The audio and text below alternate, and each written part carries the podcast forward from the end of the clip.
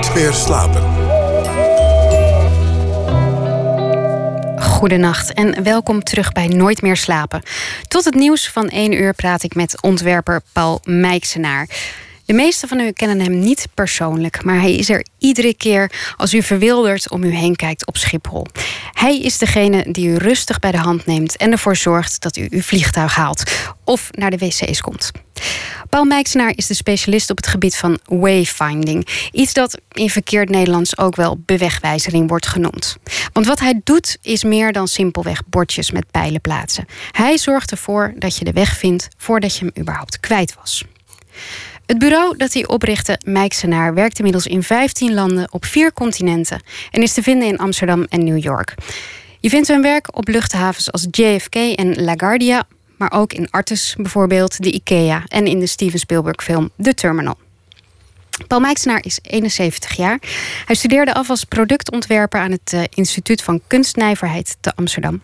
Hij was grafisch vormgever en ontwierp gebruiksvoorwerpen. Hij had een column in NRC Handelsblad en werkte als hoogleraar aan de TU Delft. Voor zijn werk krijgt hij zaterdag de Piet Zwartprijs. Een oeuvreprijs voor een ontwerper die van grote betekenis is voor het vakgebied en een voorbeeldfunctie heeft voor de volgende generaties. Goedenacht. Goedenavond. Ik zit ademloos te luisteren. nou, dat is in ieder geval mooi. Het klopt allemaal, toch? Ja, het klopt allemaal. Prachtig. Um, als je nou naar een onbekende stad gaat hè, en dan lekker je uh, routebeschrijving weggooit en heerlijk ronddwaalt. Dus de charme van het verdwalen. Kent u dat? Ja, absoluut. absoluut. En ook als, eh, nou, ik geef wel het voorbeeld als ik een boek lees, een spannend boek, dan let ik ook niet meer op het lettertype. Dat gaat vanzelf over. Dus uh, af en toe dan krijg je natuurlijk toch een steek van iets van... hé, hey, dat had ik uh, beter. Het, het, probleem begint pas als je in een vreemde stad loopt... en je moet, naar, uh, je, moet, uh, je moet naar huis, of je moet naar je hotel toe... of je wil ergens naar een restaurant waar je hebt afgesproken... of je moet iets anders, je moet ergens naartoe. Dat is wat anders dan natuurlijk rondslenteren. Ja. En, um, en dan, dan, dan ga ik natuurlijk... dan gaan alle haren recht overaan, als dat recht op omhoog staan... als dat niet lukt. Als dat, dan, en dan zie ik opeens alle, alle fouten en alle dingen. En dat gebeurt dan wel heel vaak. Ja, gebeurt dat heel vaak? Dat ik me erg of dat ik de weg of ik dat iets niet kan vinden. Ja, dat gebeurt me vaak. En uh, het gebeurt andere mensen ook, maar andere mensen die. Uh, ja, die denken niet over na. Ik ga natuurlijk iedereen de schuld geven, de gemeente of de, of de ontwerper of wat dan ook, eh, waar, die ik vermoed dan. Hè. En, uh, maar heel veel mensen die, ja, die nemen dat, uh, voor, nemen dat voor lief. Als, in, als je toerist bent in New York, ach, dan maakt het niet zoveel uit. Dat je nog een keer uh, echt uh, de metro in of de subway moet om naar je hotel te gaan. Dan, uh, en dat lukt niet. Ja, dan breekt de pleuris uit. En dan, maar dan, weet, dan weten mensen ook niet waar dat nou aan ligt. Dus ja. Je denkt ook vaak, het ligt gewoon aan mezelf. Ik heb gewoon niet goed ja, opgelet. Ja, daar ben ik ook bang voor, ja. Maar mensen zijn vaak ook heel creatief hoor. Of, er zijn heel veel mensen die gewoon op een hele natuurlijke manier... die weten ook, die vinden heel makkelijk de weg ook. Die weten ook waar ze vandaan komen... En uh, of, het, of ze links of rechts of oost of west. Dat, sommige mensen hebben dat beter dan ik bijvoorbeeld. En daarom valt het me ook om. Omdat ik dat gevoel vaak... On, dat on, heb ik eigenlijk niet ontwikkeld. Ik kijk altijd naar de bordjes en de dingen. En daarmee verlies ik natuurlijk de eigenschap om uh, zelf ook iets te kunnen... Ik overdrijf nu een beetje hoor. Maar nou, zo in New York bijvoorbeeld, omdat ik dat net noemde. Als je daar opeens uit Subway op, op, de, op een avenue staat... dan is het heel erg lastig om te zien wat Noord en Zuid en Oost... en dan praat ze over downtown of uptown. Maar ja, dat, welke kant is dat op? Hè? En wat is Oost en wat is West? Want dat is heel belangrijk voor de straten. Want die hebben hetzelfde huisnummer in Oost, maar ook in West. En, um, maar het grappige is dan weer wel dat ik het er weer leuk vind om te ontdekken hoe dat moet. En als je tegen New York, ja, ik kom het vooral op New York, als je, als je daarover hebt, dat vinden New Yorkers leuk dat het een beetje moeilijk is. Dan ben je een echte New York, dat hun onder, zij weten het en dat onderscheidt hun van de toeristen. Het hoort er dus ook je moet het zo bij. snel mogelijk je eigen maken en een heel nonchalant ook uh, meteen de goede kant op hopen te lopen. Ja. En je maakt je dat eigen en dat heeft dan ook weer lol dat je de weg kan vinden uh, na een tijdje. Dat je zo'n goede verdwaler bent of, of zo'n slechte wegzoeker, dat hangt er natuurlijk een beetje van af. Is dat de reden dat je zo goed bent geworden in dat, in dat wayfinding? Um, dat, denk, dat vermoed ik wel, nu ik na zoveel jaar terugkijk. En, uh, maar het belangrijkste, uh, je zou het best kunnen schrijven. Ik kan me zo goed. Ik, ik kan me elke keer gedragen als een nieuw iemand. Als een, en ik beleef het heel erg persoonlijk. En dus ik kan me heel goed inleven wat iemand meemaakt als hij in een ziekenhuis inkomt in stress. Of, of naar Schiphol je ook in stress natuurlijk. Dus ik kan me heel goed. Ik, ik speel die rol elke dag weer, of elke keer weer. Ook op Schiphol, waar ik dus heel vaak kom voor het werk. Daar kijk ik elke weer. Probeer ik toch te kijken door de ogen van de, van de gebruiker. En, uh, en je zou zeggen, na zoveel jaar, 50 jaar, heb ik een, kop af dit jaar, ben ik ontwerper. En, maar toch uh, blijf ik in staat die me te verbazen. En uh, dat, houdt me, dat houdt me bezig, dus dat is prettig. Het grappige is, het is bijna volgens mij onmogelijk in Schiphol. Want ik kom er ook redelijk vaak. Ik weet nu bijna blindelings waar ik op moet letten. Nou, ik ga je niet verklappen hoe je kan, kan verdwalen op Schiphol. Maar het is het is best, het is best makkelijk. Het is best mogelijk om te verdwalen op Schiphol. Ja. En, uh, maar, uh, maar vooral ook, uh, nou bijvoorbeeld dat je, je moet vaak op de monitoren kijken. En als je dat dus niet doet, dan kan je nog wel eens. En dat is een, een, een, een gate change, zoals het heet. Als je dat dus niet oplet, als je de bord niet, heb je niet hebt voorbereid. En ja, dan loop je naar de verkeerde gate. Voorbereiding is natuurlijk iets wat, uh, wat heel erg prettig is als je een reis gaat maken, wat, hoe dan ook, en dat je je een beetje voorbereidt. Maar een heleboel mensen doen dat nou eenmaal niet. Die, die, gaan op de Bonnefoy. En dan zegt vaak de, de, de gebouweigenaar, dat kan een station. Ja, maar die mensen, het staat allemaal op onze website. Ja, dat, wie gaat op de website kijken voor het een reis? Ja, je, print je boardingpas uit. Maar dus je kan niet van mensen allemaal verlangen dat je zich allemaal voorbereidt. Hè? Dus, dat, dus daar, moet je, daar moet je ook op voor. En, en in die rol kan ik heel goed inleven van die mensen die zich niet voorbereiden. Ja. Begint, begint zo'n zo'n project ook zo? Dat je als nieuw mens ergens binnenkomt? Is dat... Zo, het liefst als, ik een, als we een, een opdracht krijgen... of bezig zijn opdracht te krijgen voor een vliegveld... maar een ziekenhuis is ook een goed voorbeeld... dan ga ik dus liever niet met iemand van het ziekenhuis... met die me alle problemen uitlegt.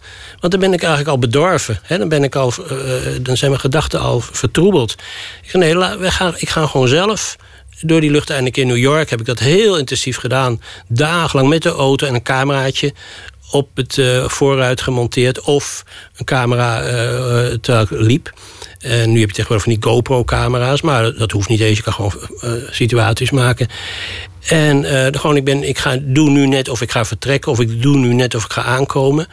En dat werkt fantastisch, want dat is zonder dat je iets weet. Hè, want, want die passagier die is in dezelfde situatie als ik. En, uh, en als je dus mensen meeloopt, dan zeg ik, nou, ik moet nu parkeren. Oh ja, maar dat is daar, dat zie je toch? Ik zeg, nee, dat zie ik helemaal niet. Dus, uh, en dat, uh, dat werkt heel goed. En dat doen we eigenlijk altijd nog. Dus onbevoordeeld, onbevoordeeld in een gebouw rondlopen. En liefst zonder iemand erbij. Soms tegenwoordig moet het helaas altijd van de bewaking. Maar dan zeg ik ook altijd en dan sturen ze vaak iemand van wat voor de communicatie. Maar dan zeg ik ook, niks zeggen. ik ga je ook niks vragen. Ja, na afloop misschien, hè? En, uh, maar je moet je mond houden gewoon. Hè? En ook niet helpen. Maar blijf je, blijf je helemaal neutraal of loop je dan eigenlijk al te mopperen? Nou, dan is mijn taak natuurlijk... Kijk, ze bellen ons of mij om natuurlijk een probleem hebben. Maar ze weten vaak niet wat de probleem is. Ze, krijgen ze beginnen, de meeste gebouwen, of, ja, die, die, uh, die hebben niet eens in de gaten dat er problemen zijn, tot ze veel klachten krijgen. En uh, bijvoorbeeld in de luchthaven heb je een internationale organisatie die onderzoekt, met, ook met, met uh, laten we zeggen, geheime waarnemers. En die bevragen de passagiers en dan, word je, dan, word je, krijg je een score. En dan zien die luchthaven-eigenaar, eh, die zien opeens van... hé, hey, we gaan zakken op de, op de ranglijst. Paniek in de tent. En dan gaan ze rondbellen. En dan bellen ze meestal naar de luchthaven die goed scoren. En dan, dat zijn dan toch collega's op dat moment. En zeggen ze, wie, wie heb jou daarbij geholpen? Nou, dan komen ze vaak bij ons uit. Als ze dat al niet wisten, hoor. Ja. En uh, dus op die manier... Maar dan moet ik ze dus wel vertellen... Dus dan vind ik toch dingen... En ze komen, zijn altijd verrast over uh, wat ik vind. Of wat, is, wat is nou echt een veelgemaakte fout bij zoiets? Nou, in algemene zin eh, denk, denken heel veel mensen dat alles vanzelf spreekt. Als iemand dat, dat woord, die zin maar in zijn mond neemt, dan, dan, dan weet ik al dat het niet klopt. Niet spreekt vanzelf. Architecten zeggen, ja, laatst hadden we weer een, lift. Die, een, lift is bijvoorbeeld eh, tegenwoordig een glazen kooi. Ook uit, uit veiligheid, dat je kan zien wat er zich binnen afspeelt eventueel. Maar een lift, denk je nou, een glazen lift, dat kan je toch makkelijk herkennen. Maar een lift kan je alleen herken je alleen maar als zodanig als hij heen en weer gaat. Maar als hij stilstaat boven of uit zicht is, Nou, er staan dus mensen voor een lift te wachten of te zoeken waar de lift is. Dus wij zeggen dan, zet het woord lift op. Hoe logisch kan het zijn? En dan zegt de architect: Ja, maar dat spreekt er vanzelf. Die, die herkent met zijn vakoog. Dit moet een lift zijn. Er zijn allemaal stalen balken en uh, katrollen, weet ik wat allemaal. Ja, natuurlijk. Maar zo'n passagier uh, kan ook zijn dat het gewoon een kamertje of weet ik veel. Of het kan een machinekamer zijn. Dus dat vanzelf spreken, dat is de, dat is de grootste struikelblok van de mensen die, zich, die zo'n gebouw inrichten. Het is grappig. Ik was toevallig laatst in, in een museum met mijn uh, kinderen. En ik kwam in een hele grote hal. En um, ik zat me af te vragen waar het museum nou begon. het is een beetje. En ik merkte dat ik, omdat ik dit aan het voorbereiden was. Ik merkte dat ik echt alles deed wat, uh, wat jij voorspelt. Dus ik heb me ook vastgeklampt aan een mens. Ja. En ik heb gevraagd. Hoe zit, dit, is. hoe zit dit museum in elkaar? Ik snap, ik snap nee, het niet. Nee. Nee, het is vaak van waar begint het museum? Dat is een vraag die je heel vaak hoort. En uh, uh, omdat het, uh, ja, een museumshop en er is van alles en nog wat, een bar en, een, en een, soms een informatiecentrum. Dus, maar uiteindelijk een museum kom je altijd wel. Uh, maar ik zeg altijd, museum, ja, museum hebben, hebben geen wegwijzing nodig. Je gaat toch lekker naar die schilderijen kijken? Ja, zeg ik, in het Rijksmuseum. En na een anderhalf uur wil je echt wel even naar het toilet... of je wil even, of je wil even naar het restaurant. Nou, dan moet je het restaurant zien te vinden. En dan wil je je, je reis weer vervolgen waar je gebleven was. Nou, vind dan de wegwijs terug naar specifiek dat schilderij of die periode. Kijk, en dan beginnen de problemen. Ja. Want zo denkt men niet in een museum of waar dan ook. Men denkt niet in die, in die, in die opdrachten. In de, hè, dus uh, dus die, die, en vaak zijn die dingen. Het gekke is dat in alles alles waar ik over praat, alles waar ik over praat, komt het toiletprobleem altijd. Maar dat komt ook, de, waar is het toilet? Is de meest gestelde vraag overal ter wereld, bij alle gebouwen. Iedereen moet een keer ja. naar het toilet. En uh, op een gegeven moment hadden wij een klant. En die zei, ja, je moet nou eens ophouden. En dat was met een collega van het bedrijf. Van het bedrijf. En die werd op een gegeven moment de toiletjuffrouw genoemd, zou ik maar zeggen. Omdat ze altijd wel over die toiletten begon te zeuren. Omdat hij zich zo had ingeleefd in dat probleem. En, uh, maar, uh, dus dat is een. Uh, dat, komt dan heel vaak voor. En dat, op een gegeven moment krijg je er een beetje genoeg van dat je alleen over de toiletten zit te praten. Maar uh, het zijn wel dingen. En, en dat, je, dat je ook denkt van, nou, nou nu, nu heb ik mijn jas opgehangen en alles gedaan. En waar, waar moet ik nu naartoe? Waar begint nou de pret? En uh, daar moet je er wel eens bij helpen, een beetje. Nu, nu doe je dit al heel lang. Ik kan me voorstellen dat in deze periode dat mensen. Um, er zijn veel meer prikkels bijgekomen in zo'n grote hal bijvoorbeeld. Aan de andere kant zijn mensen ook misschien weer beter ingesteld op dit soort prikkels. Merk je een verandering? Nou, uh, dat, dat mensen uh, meer ervaring hebben. Er wordt überhaupt natuurlijk veel meer gereisd dan vroeger. Mensen gaan twee, drie keer op vakantie en met vliegtuig of wat dan ook. Dus mensen zijn, en ze, zijn, ze, zien, ze herkennen pictogrammen, want die herkennen ze. Die zijn op de andere luchthaven min of meer een beetje elkaar, op elkaar gelijk. gelijk. Uh, dus vertrek, dat heet in het Engels departures. En dat als je dus naar Parijs vliegt, heet het daar ook departures, plus het Frans. Dus mensen raken wel gewend aan, die, aan de terminologie, aan het jargon en dat soort dingen, aan de beeldtaal. Maar uh, ook ondertussen, wat je ook zegt, er komen steeds meer winkels bij. Hè, dus dat is een belangrijk stuk inkomsten. Er komt veel meer reclame bij, hele grote billboards binnen, verlicht en bewegend. En dat zie je bijvoorbeeld aan een stadion. Ik, ik verbaas me als ik bij een wedstrijd kijk hoe die voetballers elkaar kunnen onderscheiden. Dan zie je op achterwees rijdt er een autootje langs. Ja, op, op dat beeldscherm, die, die, beeld, die borden erachter langs. Hè. Ik snap niet dat je kan voetballen en ondertussen die bewegende reclame allemaal langskomt. En ik weet zeker dat het een rol kan spelen. Ik, heb, ik had laatst bedacht, ik moet eigenlijk een soort. Uh, um, ik zou eigenlijk wel eens. Uh, de, de, de, de, de kleding van, van Ajax of de Oranje spelers willen. die zodanig bent dat je, dat je goed kan vinden als je moet aan moet spelen. Want nu verdwijnt hij soms in de omgeving. Als, die, als een, een bekende Nederlandse bank die oranje als huiskleur heeft. en allemaal oranje mannetjes zou lopen daar rond. Ik kan me voorstellen dat dat in de war raakt. Ook als het nog allemaal beweegt. Dus maar het, om op je antwoord op te geven. Kennelijk zijn de mensen toch in staat dat onderscheid te maken tussen een reclame en een voetballer die ze moeten aanspelen. Of in het vlieg, vliegveld. Of ja, dat ze het onderscheid kunnen maken. Dat is ook wel zo, maar het, maakt, het wordt het wel moeilijker gemaakt. Het wordt wel moeilijk gemaakt doordat er zoveel impulsen zijn. En alles beweegt tegenwoordig. Hè, dus alle vaste reclames worden vervangen door grote uh, schermen die allemaal bewegen. En uh, ja. Maar dat is nou eenmaal, ik kan niet zeggen, ja, dat, is, dat, dat, moet, dat kan je verbieden. Je moet wel. We hebben voor gebouwen tegenwoordig een soort zoneplan bedacht, een mediazoneplan. Dus we delen het gebouw in een soort denkbeeldige corridors dus tot boven, eh, op ooghoogte, daar mogen alleen maar borden hangen. Aan de zijkanten daar is ruimte voor winkels, et cetera. En helemaal omhoog, daar mag je weer reclame hebben. Maar er zijn dus bepaalde zones waar je eigenlijk alleen maar eh, bewegwijzing mag plegen of, of, of monitoren mag ophangen. En dat werkt op zichzelf wel. Dat je dus kanaliseert. Of, eh, dat, dat is een oplossing die we dan bieden. Ja. U luistert naar uh, Wayfinder expert Paul Mijksenaar. En na Nooit meer slapen natuurlijk. Iedereen kent zijn werk wel. Dat van Schiphol bijvoorbeeld of Artis. En um, we hoorden het al. Verdwalen, is, daar ben je heel goed in. Maar je, um, het is ook wel een beetje beangstigend. Is het, vind je het echt beangstigend verdwalen of niet? Nou, Nee, ja, nee, als je, nee, kijk, verdwalen is wat anders dan rondslenteren in Venetië of zo. dus verdwalen is vervelend. Verdwalen is verdwalen. Dat is, geen, dat is nooit positief. Heb je een slechte ervaring gehad met verdwalen? Oh, absoluut, absoluut. En, um, nou, en, en, en, niet zo heel lang geleden was ik in, in, uh, in Peking. Daar was een designbeurs, uh, een godsallemachtig end weg buiten het centrum, waar het hotel was. En nou, een taxi wordt gebeld en uh, laatst uh, geeft de man van het hotel geeft dan ook je naartoe moet. Maar toen merkte ik na een kwartier rijden dat die taxichauffeur helemaal geen kaart kon lezen. Na de hand is me uitgelegd dat Chinezen geen kaart mogen leren lezen uit veiligheidsoverwegingen. Maar of dat waar is, weet ik niet. Maar die taxichauffeur wist dus niet goed waar hij toe was. Dus ik ging naast hem zitten met een kaart en ik wees hem de weg.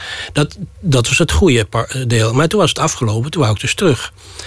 En toen kwam ik dus op een gegeven moment in een uh, straat terecht... waar uh, wel heel af en toe een taxi reed.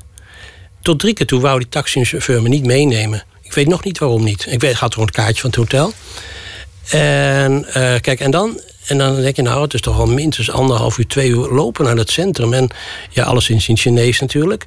En uh, de Chinese omstanders die allemaal heel vriendelijk waren, maar die konden me ook niet helpen. Want het, het hotel konden ze, verstonden ze natuurlijk niet eens. En ik, dus uh, dat dan, en dan wordt het laat, werd het donker. En uh, toen dacht ik, nou, dat, uh, dat moet ik wel op gaan lossen. Want anders ben ik daar. En ik, had wel een kaart bij, maar. En het grappige was, dan had ik net een nieuwe iPhone. En die, toen, daar stond al Google Maps op. En uh, dat, toen klikte ik op. En toen zag ik opeens dat de route. Die, ik zei, nou, hoe, hoe ver was het lopen? Maar die gaf ook de bus aan. Ik had dat nooit eigenlijk gedaan. je kon kiezen auto, bus of lopen. En dan bus. En tot mijn verbazing uh, kwam er een mededeling dat bus 45 uh, over zes minuten vertrekt. En die was 50 meter verderop.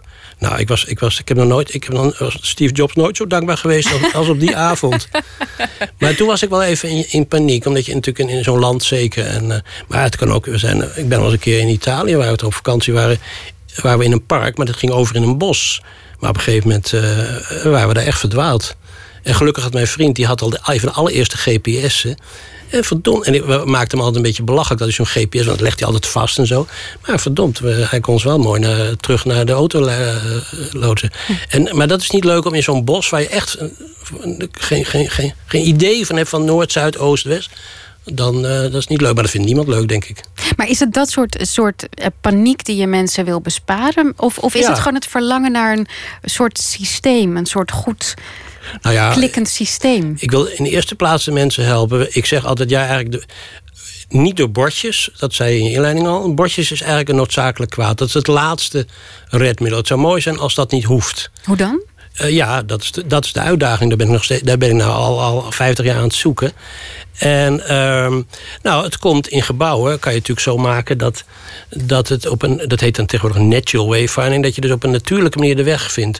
Dus dat, er gewoon, uh, dat je gewoon door er maar te langs te lopen, dat je niet een, bijvoorbeeld heel erg vervelend is, dat je een, naar beneden moet of naar boven toe. Dat is dus absoluut contra-emotioneel. dat is, uh, je, je wil, niemand wil naar beneden in een kelder en niemand wil naar boven. Want je weet nooit hoe het daar afloopt. Misschien loop je wel in, in, in, een, in een, een, in een hoe noem je dat? In een, een, een, doodlopend stuk. En dan weet je niet terug. Dus iedereen wil graag rechtuit lopen. Uh, op begaande grond. Ze willen ook recht uitlopen. Niemand gaat linksaf of rechtsaf. Dus het ligt voor de hand dat je iets zou bedenken. Dat bijvoorbeeld een luchthaven. Bijvoorbeeld eigenlijk maar één hele lange gang is. En je ziet eigenlijk al bij het begin. Je komt binnen En dat heb ik ook uitgetekend onlangs, wat nou de ideale vliegveld zit, eruit ziet. En dan kwam ik eigenlijk een heel eind. Of het ooit gebouwd kan worden, weet ik niet. Maar ik had wel een idee hoe het voor de passagiers er opeens heel prettig uit kan zien. Dus dat kan wel. Alleen nou moet, ik dat, moet, ik dat, moet iemand nog aanvragen mij bouwen een nieuw vliegveld. Nou, is werk van architect, toch? Wat je dan... Ehm, ja, dat zou je denken. Maar eh, de architect heeft eigenlijk andere kopzorgen. Die moet een visueel statement maken. Er moet een grotere hal zijn. Het moet representatief zijn. Dat weet ik allemaal. Nee, wij gaan natuurlijk, wij zouden eigenlijk daarvoor uh, al een, een, plan moeten maken van de bezoekers, van de stromende passagiers. En dat doen wij nu ook. Hè. Dus wij kunnen, zijn al in staat, denk ik, om eigenlijk van tevoren eigenlijk de, de, de stromen, hoe, hoe, hoe de mensen moeten lopen, wat ze moeten tegenkomen. Om die dus een soort ruimtelijk plan, maar nog zonder muren en daken en inrichtingen en materialen. En dat dat is eigenlijk ons streven. Want dan, want dan kun je mensen dus eigenlijk voor 90% misschien wel zonder borden naar hun. Als je dus je komt binnen en je ziet in het vette al het vlieg, eh, vliegtuig staan of wat dan ook. Dat werkt ook veel makkelijker. Je steeds moet borden links of rechts of naar boven of wat dan ook. Het kan nog niet, maar dat is wel uh, waar, je, waar ook wel meer belangstelling is. Uh, er wordt meer gevraagd om wat kunnen we met licht doen. Daglicht is heel erg belangrijk. Of überhaupt mensen willen graag naar het licht lopen. Hadden wij parkeergarage P2 op Schiphol. Dat is uh, vlak bij de ingang. En uh, die was open. En dan zag je dus, maar je moest, om eruit te komen, moest je juist naar een donker gedeelte waar de liften waren. Dus een donker gedeelte. En wat gebeurde dus, dus op de begane grond, dan gingen de mensen dus naar buiten toe, want dat was licht. Maar dan kwamen ze bij de lang, uh, wegenstelsel waar iedereen kaart verbeteren, waar je helemaal verkeerd was.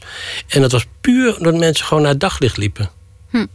Is het, je zei net, ik ben uh, al 50 jaar op zoek naar het, het, unieke systeem. Ben je wel eens bang dat, dat het ongrijpbaar is? Dat het misschien niet te vinden is? Nou ja, het is natuurlijk net als. Uh, natuurlijk, we praten wel over een hele concrete eh, wereld. Ik bedoel, het ideaal, het nooit zal ideaal zijn. Ik bedoel, uh, je kan ook je hele leven naar de beste koffie, uh, lekkerste koffie En je weet nooit of je dat bereikt. Want je, je, komt nooit verder dan de beste koffie op dat moment. Maar misschien zijn er andere. Ik hoorde net dat filterkoffie weer helemaal in opkomst is. Dus je, weet, je weet niet waar je naar op zoek bent. Maar je kan wel streven dat natural wayfinder, dat is al een, al een middel. Dat, dat, begrijpt iedereen. Dat je eigenlijk eh, geen hulpmiddelen nodig hebt. Dat je er zo naartoe loopt. Maar of dat ooit, of dat eh, wat er nog beter aan kan. Ja, we kijken heel veel naar psychologen. Eh, dus de, dus de mens, dus de de, de cognitieve psychologie, dat is dus de psychologie die zich met de geest van de mensen bezighoudt.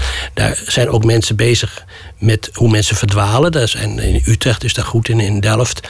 En uh, dat is heel leerzaam om te kijken hoe, men, hoe mensen denken. En dat, daar komt zoiets van dat niks vanzelf spreekt. Dat hebben we van psychologen geleerd. Ja, eigenlijk is dit een, een vak ook wat je, wat je hebt verzonnen, hè? min of meer in Nederland. Nou ja, dat was natuurlijk de, de bewegwijzing, noemde je. Dat is natuurlijk het woord wat de ANWB bedacht heeft. En die zijn al sinds mensenheugen is natuurlijk bezig met Nederland te bewegwijzen. Maar dat hebben mensen nooit, dat, dat weet je, in, zeker in die tijd denk ja, de bewegwijzing van de AWB, dat, dat wordt er gewoon door de overheid gedaan. Er is een commissie. Dat, dat is net als het bankbiljet en postregels. Niemand realiseert zich dat daar ook gewoon creatieve mensen achter zitten. Die natuurlijk bij de ANWB, de Oogwijkswaterstaat tegenwoordig er ook achter zitten. Dus dat begrip wegwijzing, dat werd toch gebruikt door de AWB, maar voor een hele kleine groep mensen die met, zich met wegen bezig hielden. Of met stadsgemeentebesturen, gemeenten. En ik heb dat natuurlijk een beetje op de kaart gezet met Schiphol, met de, uh, met de stations die we gedaan hebben. Dus de, daarom zijn mensen nu, zich, uh, dat wordt bewegwijzing of weefvaarding, dat, dat wordt nu vaak aan mij toegeschreven, wat natuurlijk niet helemaal eerlijk is.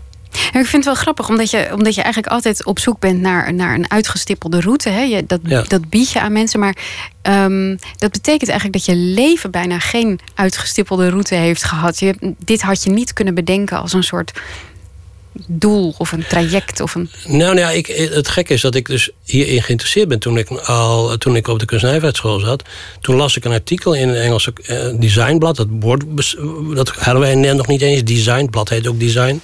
Bestaat al lang niet meer. En daar uh, las ik een artikel, dat was in 1963, dat uh, meneer Jock Kinnear, een ontwerper, stond een plaatje bij van prachtig ontwerp, ontworpen borden. Groen waren ze. En met hele mooi gestileerde uh, kruisingen en mooi letteren. En ik had eigenlijk nooit gerealiseerd dat die borden die ik kende van AWB... Dat, dat, dat, je die ook mooi in een mooie uitvoering kon maken. Dat was echt een eye-opener. En vanaf die tijd wist ik ook dat ik bewegwijzing wilde. En ik heb eigenlijk ik heb wel heel veel andere dingen gedaan. Ik heb producten ontworpen, ik heb jaarverslagen gemaakt en alles en nog wat. Maar dat was toch mijn. Uh, dat viel samen met het, wil, het, graag willen reizen. Ik hou van auto's en treinen en vliegtuigen. En dat kwam er al mooi, even, en dan, dat kwam dus mooi uit. Dus ik, kon, ik was en mijn eigen. Ik was een patiënt die zijn eigen dokter kan worden. En ik kon al mijn leuke dingen blijven doen, namelijk reizen en autorijden en alles. Het is grappig dat je zegt het was een heel mooi bord. Terwijl wat jij doet en wat jouw bureau doet, is, is vooral zorgen dat het heel praktisch is. En de esthetiek staat veel meer op de achtergrond. Nou, daar lopen we niet mee te koop. Want dan, komt natuurlijk niet een ziekenhuis wat problemen heeft. Die komt niet naar ons toe zegt... kunt u mij eh, honderd mooie nieuwe borden maken? Die bestaan ook wel, die mensen die dat denken. Maar ze, komen bij, ze hebben een probleem met mensen die de weg niet kunnen vinden. Die zijn niet geïnteresseerd in esthetiek. Dus wij zeggen ook altijd... Uh, je betaalt voor, de, voor, voor het systeem. Uh, en de esthetiek krijg je er gratis bij. Want dat, dat, dat, dat, hè, dus dat uh, spreekt vanzelf. Daar ga je niet voor betalen. En, uh, maar ondertussen, we zijn wel allemaal ontwerpers. Komen allemaal de, helft van onze mensen komt allemaal TU Delft, mijn eigen faculteit waar ik lesgegeven heb. Waar ik ook heel trots op ben. Ik geef er al heel lang geen les meer. Maar daar komen toch altijd nog de beste ontwerpers op mijn gebied uh, van vandaan. Ik heb echt hele jonge mensen, zijn allemaal heel enthousiast over het vak. Toch, tot mijn enorme opluchting natuurlijk. En ze zijn ook heel erg goed in. En uh, dus dat, dat, dat, dat, dat, dat, dat, dat, komt weer, dat, komt weer, dat komt wel goed. Maar het is wel, het is wel een heel dienend vak. Je kan bijna als een. Vind je dat je als. Had je dat niet gewild? Had je niet een stempel willen zetten? Of heb je dat nou ja, wel het gedaan? dat ik hier zit, heb ik toch, toch een soort stempeltje gedrukt voor, voor mensen. Het heeft ook een negatieve kant, want ik kan me herinneren, heel lang geleden, dat ik bij de tandarts uh, in de stoel lag en in mijn mond aan het peuren. En die wist dat ik aan mijn wegwijzing deed. En die begon een verhaal dat hij zo akelig verdwaald was in Groningen. En dan liep ik dus heel machteloos, ging ik daarachter in die stoel. En ik kon niet eens vertellen dat ik helemaal niet in Groningen, dat ik de borden in Groningen helemaal niet gemaakt had. Dus het, mensen gaan ook meteen tegen jou klagen wat, waar, ze, waar ze allemaal. van je moet daar eens naar gaan kijken. Dat is erg. En uh, nou ja, dat, uh, dus dat heeft ook een keerzijde. Een beetje zoals een journalist altijd krijgt. Waar jij eens over moet schrijven. ja, Zo'n ja. beetje hetzelfde. Ja, precies. Dus, maar die, die dienende rol, ja, ik, ik, ik heb daar vrede mee aan de kunstenaar moeten worden. Of, of weet ik, of film maken of wat dan ook. Maar als ik, als ik, dus als ik mezelf, mijn eigen expressiviteit, of, dan had ik iets anders moeten gaan doen. En daar was ik niet geschikt voor. Want ik denk, als de telefoon niet gaat, dan blijf ik gewoon in bed liggen. Of ik ga, of ik ga naar uh, Homeland kijken of zo. Dan kom ik, of een boek lezen. Maar ik ga echt niet zomaar kunst scheppen of zo. Dat komt niet in mijn hoofd op. Nee, maar ik heb wel gehoord dat je als je langs het vuilnis loopt en er, er staat nog een doos, dat je altijd eventjes het dingetje eruit knipt voor. Ja, maar de, na 60.000 uh, heb ik, ben ik, zijn we dat gestopt. Ben ik dat gestopt. Zakmesje weer thuis gelaten. En de hele collectie, die 60.000 gebruiksaanwijzingen en instructies, die zijn nu allemaal ondergebracht bij de bijzondere collecties van de Universiteit Amsterdam. Daar heb ik ook een boek over geschreven. En ik heb er een, een, een prijs ingesteld voor uh, functioneel design. En die gaan we ook dit jaar of twee weken uitreiken aan een dienend uh, doel. Die dus echt in gebruiksaanwijzingen excelleert. Maar ik kan nog niet vertellen wie dat is. Nee, dat is nog een geheim. Je krijgt zelf de Piet Zwartprijs voor ontwerp. Dus dat is ja. dan toch nog een beetje toch erkenning ook voor de esthetiek volgens mij. Ja, het is een vakprijs. Hè. Het gaat binnen collega's. Hè. Dus het is niet een publieksprijs. Precies. Hartelijk dank, Paul Mijksenaar. Maak er een mooi weekend van. Hij krijgt de Piet Zwartprijs, ik zei het net al, morgen uitgereikt. Straks, na het nieuws, dan gaan we verder met het tweede uur van Nooit meer slapen. Onder andere met Bert Natter. Strakjes na het nieuws van 1 uur.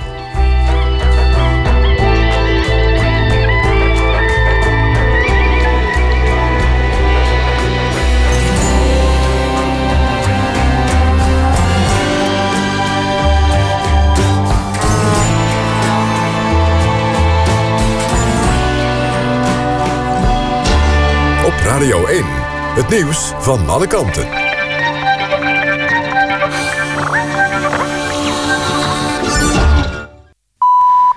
1 uur, Kirsten Klomp met het NOS-journaal. De komende uren gaat in het zuidwesten van Mexico de orkaan Patricia aan land.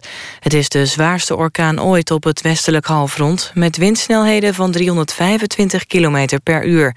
Lokaal kan er in korte tijd 50 centimeter regen vallen... en ook metershoge golven kunnen veel schade aanrichten. De badplaats Puerto Vallarta oogt als een spookstad... met veel dichtgetimmerde ramen en deuren. Veel bewoners van de kustregio hebben een schuilplaats in het binnenland opgezocht. Speciaal daarvoor hebben de Mexicaanse autoriteiten... een belangrijke snelweg tolvrij gemaakt. Amerikaanse strijdkrachten zullen vaker bliksemacties uitvoeren tegen islamitische staat als dat nodig is. Een voorbeeld van zo'n actie is de aanval op een IS-gevangenis in Noord-Irak afgelopen donderdag. Daar werden 70 gevangenen bevrijd, die volgens de Amerikanen binnenkort allemaal zouden worden geëxecuteerd. Minister Carter van Defensie zei dat de Amerikanen gespecialiseerd zijn in dit soort operaties en dat ze die in de toekomst vaker zullen uitvoeren. Het aantal mensen dat is omgekomen bij het Amerikaanse bombardement op een ziekenhuis van Artsen zonder Grenzen in Kunduz is naar boven bijgesteld. Volgens de hulporganisatie zijn er in totaal 30 mensen omgekomen. Onder de doden zijn 13 medewerkers en 10 patiënten. Zeven lichamen zijn nog niet geïdentificeerd. Ook zijn nog tientallen medewerkers en patiënten gewond. Het ziekenhuis in Afghanistan werd begin deze maand getroffen door een Amerikaanse luchtaanval.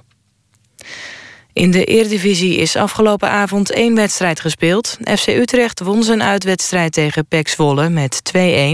Het publiek applaudisseerde een minuut lang voor Johan Cruijff... die gisteren bekend maakte dat hij longkanker heeft. Het eerbetoon stond gepland voor de 14e minuut... maar werd uitgesteld omdat er toen juist was gescoord. Het weer nog veel bewolking vannacht bij minima rond de 10 graden. Morgen opnieuw veel bewolking. In het oosten misschien nog wat zon. En s'avonds gaat het vanuit het westen regenen. Het wordt 13 tot 15 graden. Dit was het NOS Journaal. NPO Radio 1. VPRO. Nooit meer slapen.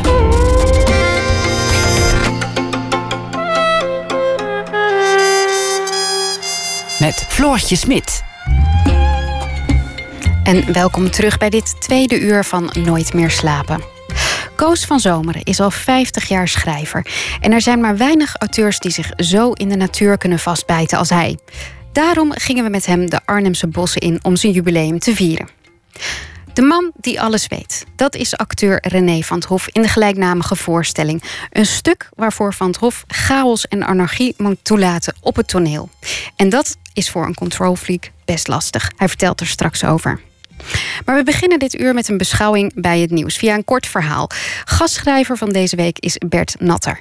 Hij debuteerde in 2008 met Begeerte heeft ons aangeraakt. Daarna volgden de boeken als Hoe staat het met de liefde en Remington. Deze week verscheen zijn nieuwe roman Goldberg over de beroemdste leerling van Bach. Goeienacht Bert, was het een uh, fijne dag vandaag? Uh, ja, wat zal ik zeggen?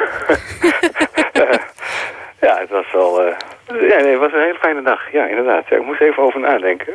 Maar uh, ja, het was een hele fijne dag. Je bent veel te veel bezig geweest met het nieuws om, om te genieten van de dag zelf. Ja, inderdaad. Nou, inderdaad, dat neemt me helemaal in beslag. Daar, daar gaat ook trouwens, wat ik nu heb geschreven, gaat precies daarover. Dus zal ik daar maar mee van wal steken. Doe maar. Het heet Wonderkind. Om u te dienen, beste luisteraar, volgde ik de afgelopen dagen het nieuws met meer aandacht dan anders. Als ik geen gastschrijver van Nooit meer slapen ben, luister ik net als u naar Radio 1, kijk ik naar Nieuwsuur, browse ik door nu.nl en blader ik door de krant. Normaal gesproken trekt het nieuws aan me voorbij zonder dat ik er iets van vind.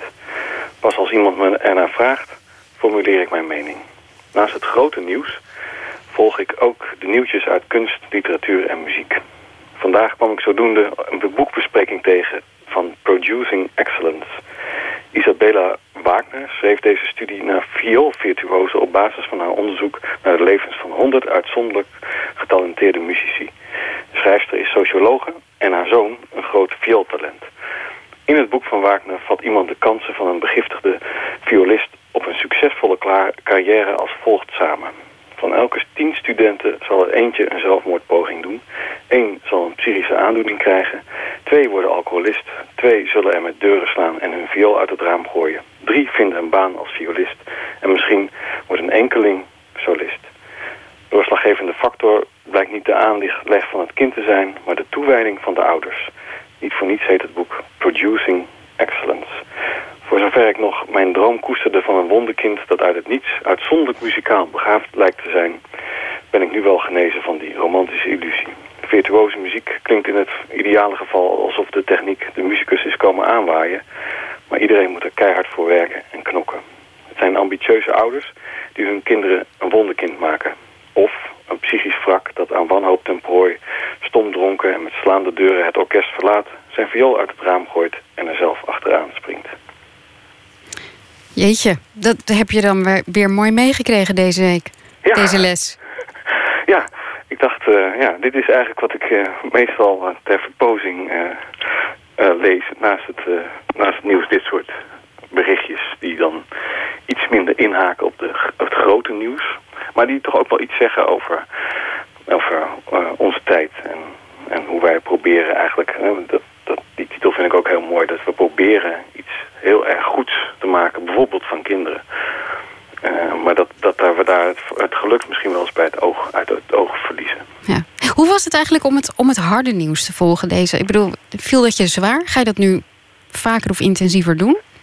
Nou, wat ik schrijf, ik, ik, ik, ik had er vaak eigenlijk niet zo'n mening over... behalve dan als ik met vrienden in het café zit of um, aan tafel met mensen... en het gaat ergens over, dan, dan ga je er pas echt over nadenken. En nu dacht ik, nu moet ik wel er iets van vinden. En, en ik vind altijd, en dat is ook alweer een hele interessante mening... ik vind mijn mening altijd al, nou ja, de mening die iemand anders misschien ook wel heeft. Um, maar ik vond het wel weer leuk, omdat ik toch met andere ogen... Uh, de, met name de krant las. Met andere ogen. Want dat je ook zit te kijken, kan ik hier, vind ik hier iets van? Kan ik hier iets van vinden? Dus uh, het, uh, het geeft in ieder geval een andere blik. En, en, en, en het bepaalt iets anders. Je hebt het idee dat je in een iets andere verhouding tot het wereldnieuws staat. ik moet er een beetje op lachen, maar het is wel zo. een iets andere verhouding tot het wereldnieuws staat dan normaal gesproken. Want ja, je mag iets over zeggen op de radio. Ja, ik moet ook heel vaak iets vinden over nieuws bijvoorbeeld. En ik moet eerlijk zeggen, het is soms ook wel vermoeiend. Omdat je dan ook, als je het aan het volgen bent... een soort continue stroom op je afkrijgt. Het houdt Ja. ook nooit op. Nee, nee. En, en wij hebben ook heel erg de neiging om... Ik weet nog dat Saddam Hussein was gevonden op een zeker moment. Dat is heel lang geleden. Maar toen had ik net een boswandeling gemaakt met mijn vrouw. En toen kwam ik thuis en zette ik de radio aan en ging ik koken. En toen hoorde ik, dat was om een uur of half zeven of zo. Ja, hij was om twee uur al gevonden. Dus ik, dat riep ik ook door het huis. Hij is om twee uur al gevonden. Wij, wij weten het nu pas. Terwijl ik dacht, ja, toen Amerika zich onafhankelijk van Engeland maakte... dat, dat duurde weken, maanden voordat ze dat in Engeland een keer hoorden. En, en wij horen nu alles meteen. Ja, En, en dan moet je er ook meteen een mening over En- hebben. en Het is ook van- vermoeiend, Bert. Ja. ja. Ik hoop dat je het wel met eh, heel veel eh, liefde en plezier hebt gedaan de afgelopen week. Ik eh, dank jou hartelijk voor alle bijdragen. Graag gedaan.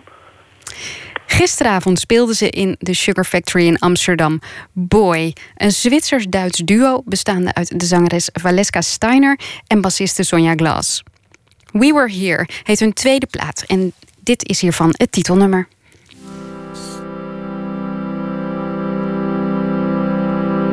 We walk these streets like kids, our faces in the wind. And everywhere we were, we made the city sing. We sang forever young, we had our fingers crossed. And when the city sleeps, it dreams of us.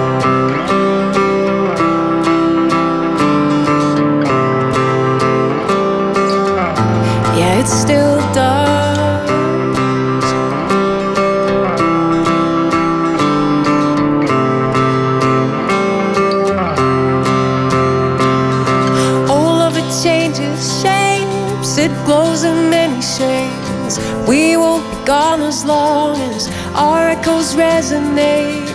We need no photographs, the past not only past. I find us everywhere, and that's how the magic lasts. Cause everywhere we've been, we have been leaving traces. They won't ever disappear. We were here, we were here, we were really here.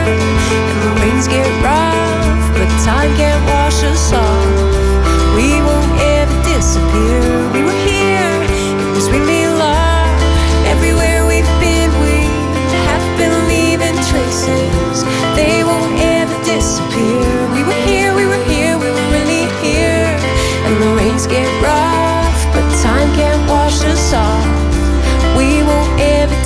disappear. We were here, it was really long.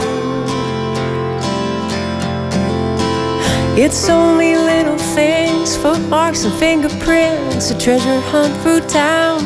It's full of evidence, our monuments are all around.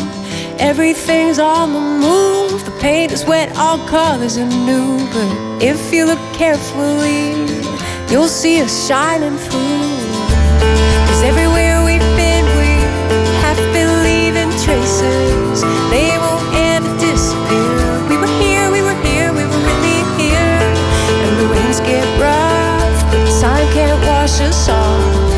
We won't ever disappear. We were here, love. Everywhere we've been, we have been leaving traces. Everywhere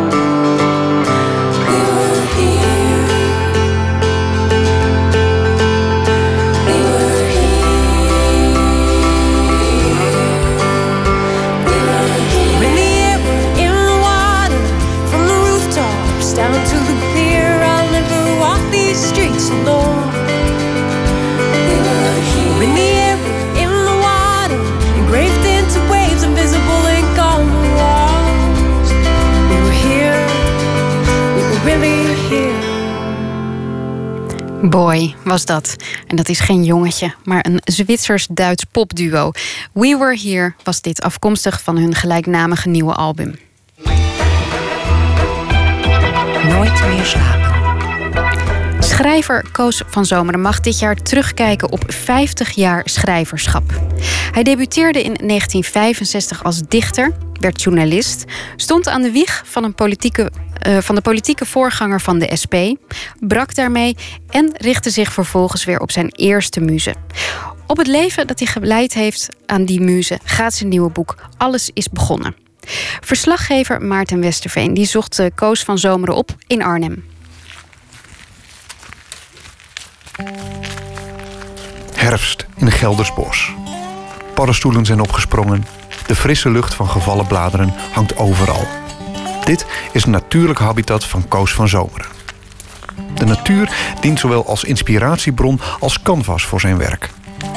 In zijn nieuwste boek Alles is begonnen kijkt Van Zomeren terug op een leven lang schrijven. En natuurlijk speelt de natuur daarin een centrale rol. Mijn uitgangspunt is literatuur gaat over de aard van het leven. Dus mijn werk gaat over de aard van het leven. En dat is punt één. En punt twee is het leven, dat is alles wat leeft. Ik bedoel, alles wat je vandaag, hè, vandaag eh, tegenkomt in de natuur. eh, de planten die hier staan.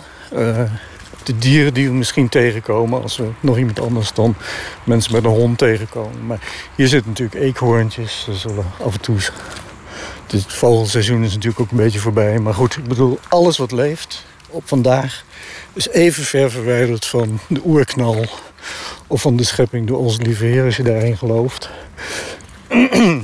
Dat is een fascinerende gedachte. Ik bedoel, eh, wij hebben heel erg het gevoel van dat wij de kroon op de schepping zijn. Maar we zijn niet verder dan, dan het eekhoorntje wat je vandaag tegenkomt. Eh, in evolutie, evolutionaire zin eh, worden we allemaal, zijn we allemaal,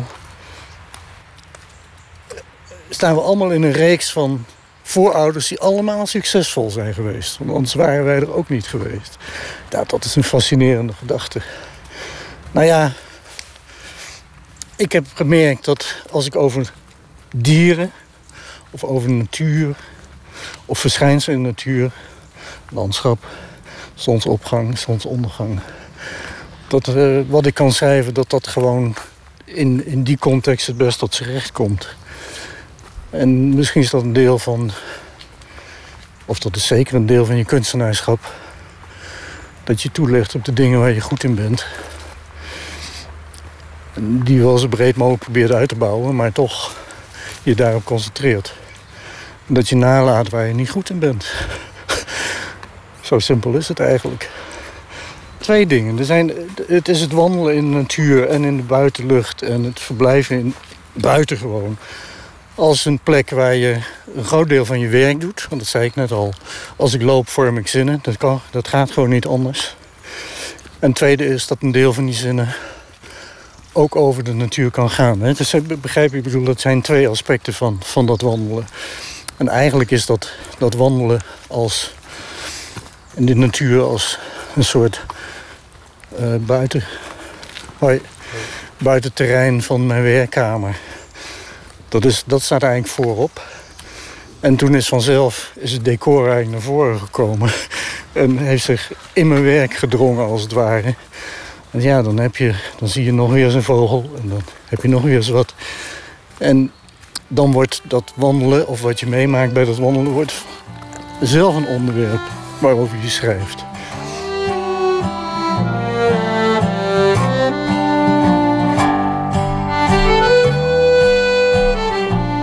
Het schrijven is natuurlijk voor een groot deel toch uh, ja, het bijna religieus werk. Ik bedoel, het is toch proberen om de werkelijkheid uh, naar je hand te zetten. Ik bedoel, om hem zo vorm te geven. Of dat nou door middel van heel veel fantasie is of door middel van dagboeken. Of weet je, het is toch een soort bezweringsrieten tegen de gevaren van het leven, zal ik maar zeggen. En uh, ja, dat, dat, dat, dat, dat, ja, zo werkt het ook wel. Zij dat je natuurlijk gewoon, ja, je bezweert de werkelijkheid en de werkelijkheid staat, slaat soms op een geweldige manier terug.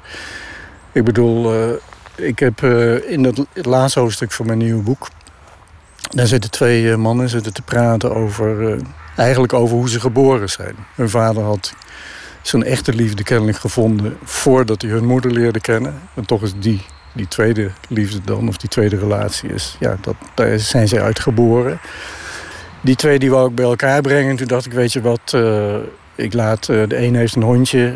Die is ook schrijver trouwens, dus die lijkt een beetje op mij. En die heeft een hondje en dat hondje is die dag overleden. En dan gaat zijn andere broer gaat hem opzoeken. En dan komen ze tot zo'n gesprek, weet je wel, over, over het leven. En van de andere elementen in dat deel van, van het boek, wat, wat dus eigenlijk fictie is, dacht ik van, nou, daar krijg ik gezeik over. Want dan gaan mensen vragen van, is dat uh, autobiografisch? Heeft jouw vader? Enzovoorts, enzovoorts.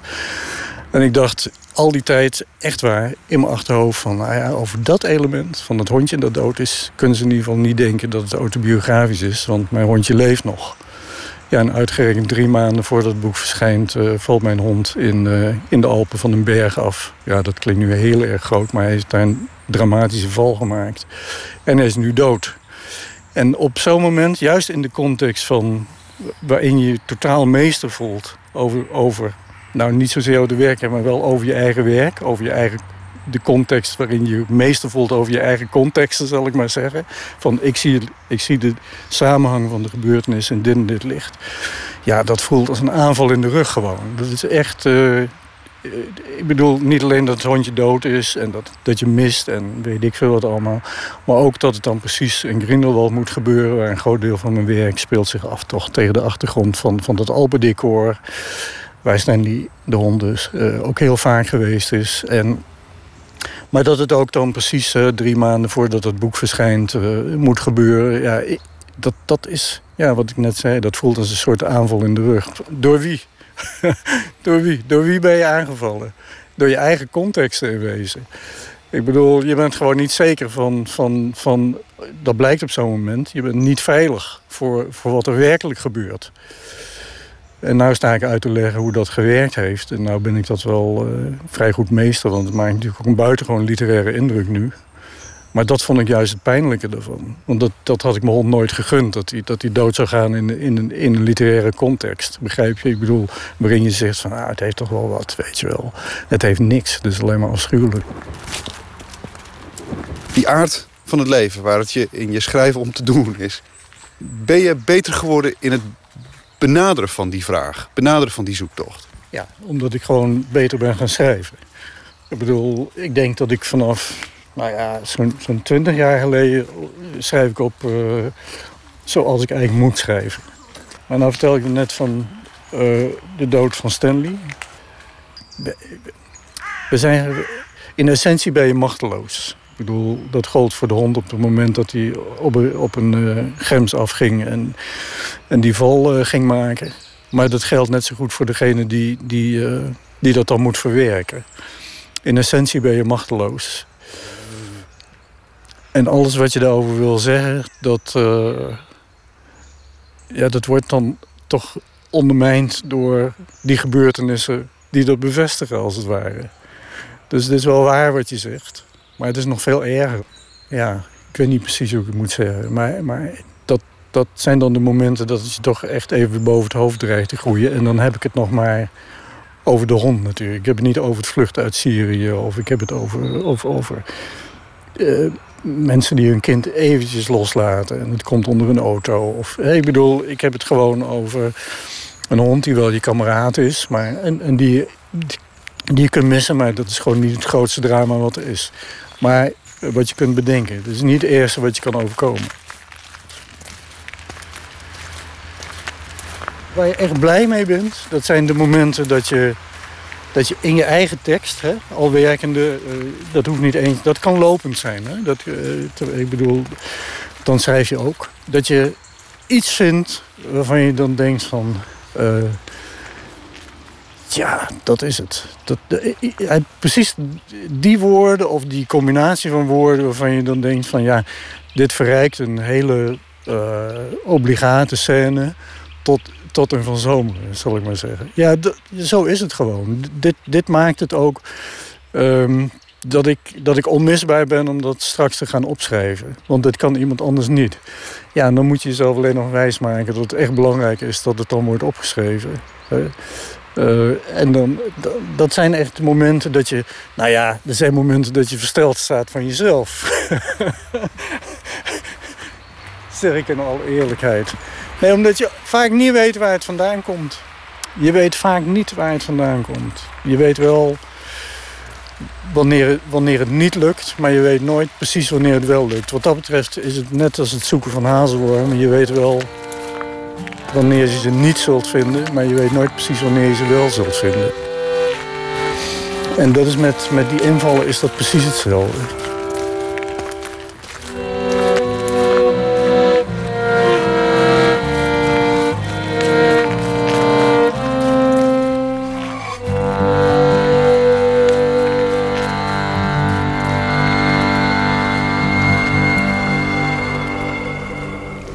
Hoorde Koos van Zomeren over zijn nieuwe werk Alles is begonnen, verschenen bij de Arbeiderspers.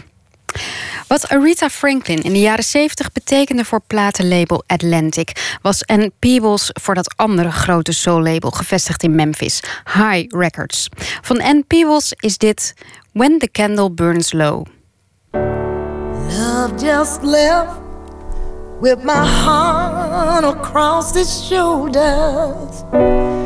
Every step I grow colder and colder.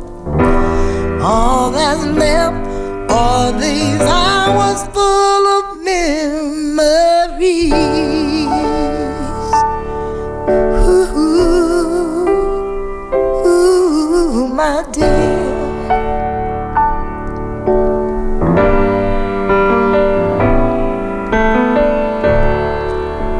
Used to know I could keep you forever. Wish we had to pray more for love together. I stood in church and I said my vows to you. Wish we had known then what we were about to go through, but I learned. I've learned.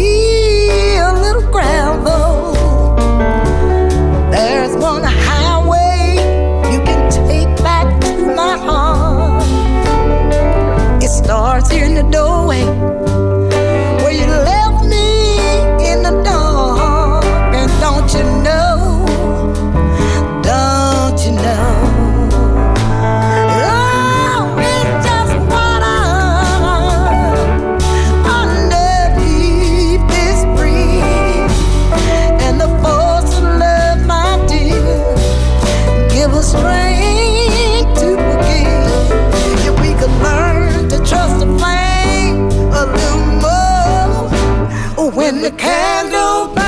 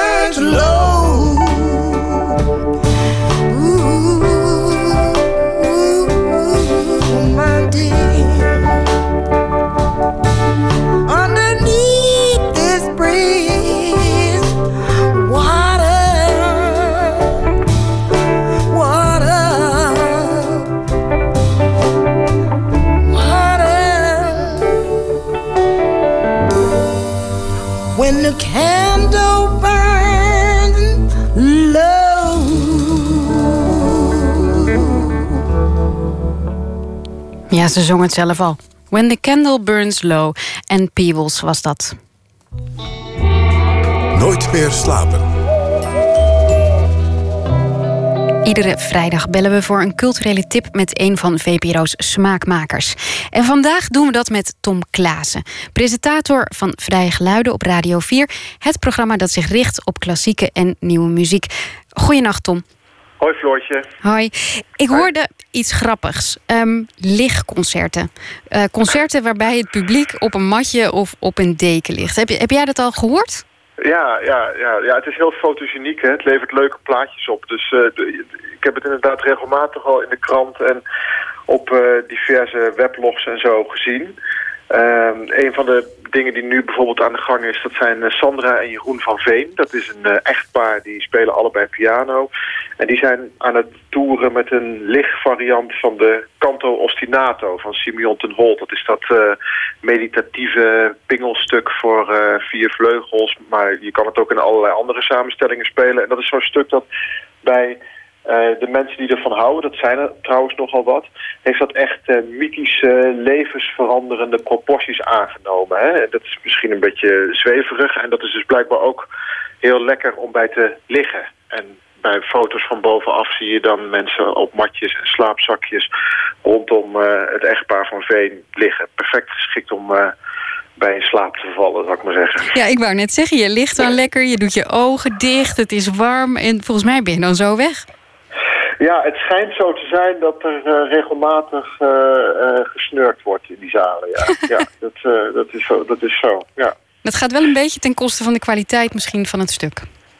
Ja, ach, weet je, ik, ik, ik vind helemaal niet dat mensen per se een, weet ik veel, actieve luisterhouding of zo moeten hebben tijdens een, tijdens een concert. Maar en dit, is, dit is een leuke manier om klassieke muziek populair te maken bij mensen die er eigenlijk niet zo van houden. Het is een aardige gimmick, maar ik heb toch het idee dat het met de muziek niet zo gek veel te maken heeft. Ja, passieve luisterhouding vind jij dus ook niks. Wat, nou, zou, ja, nee. wat, nee. wat zou jij de luisteraar wel willen aanbevelen deze week? Nou, er zijn een paar hele leuke festivals. Volgende week dinsdag begint in Groningen het eh, Sound of Music Festival. Dat is eh, op allerlei verschillende plaatsen in de binnenstad. En in de programmering kom je eh, aan de ene kant een aantal hele gevestigde namen tegen. Bijvoorbeeld eh, de zangeres Nora Fischer, een jonge zangeres die eh wiens carrière een enorme vlucht heeft genomen in de afgelopen tijd. Vooral omdat ze dus zo mooi zingt. Eh, Theo Louvendi die geeft een masterclass en er is een avondje met Theo Louvendi, de componist.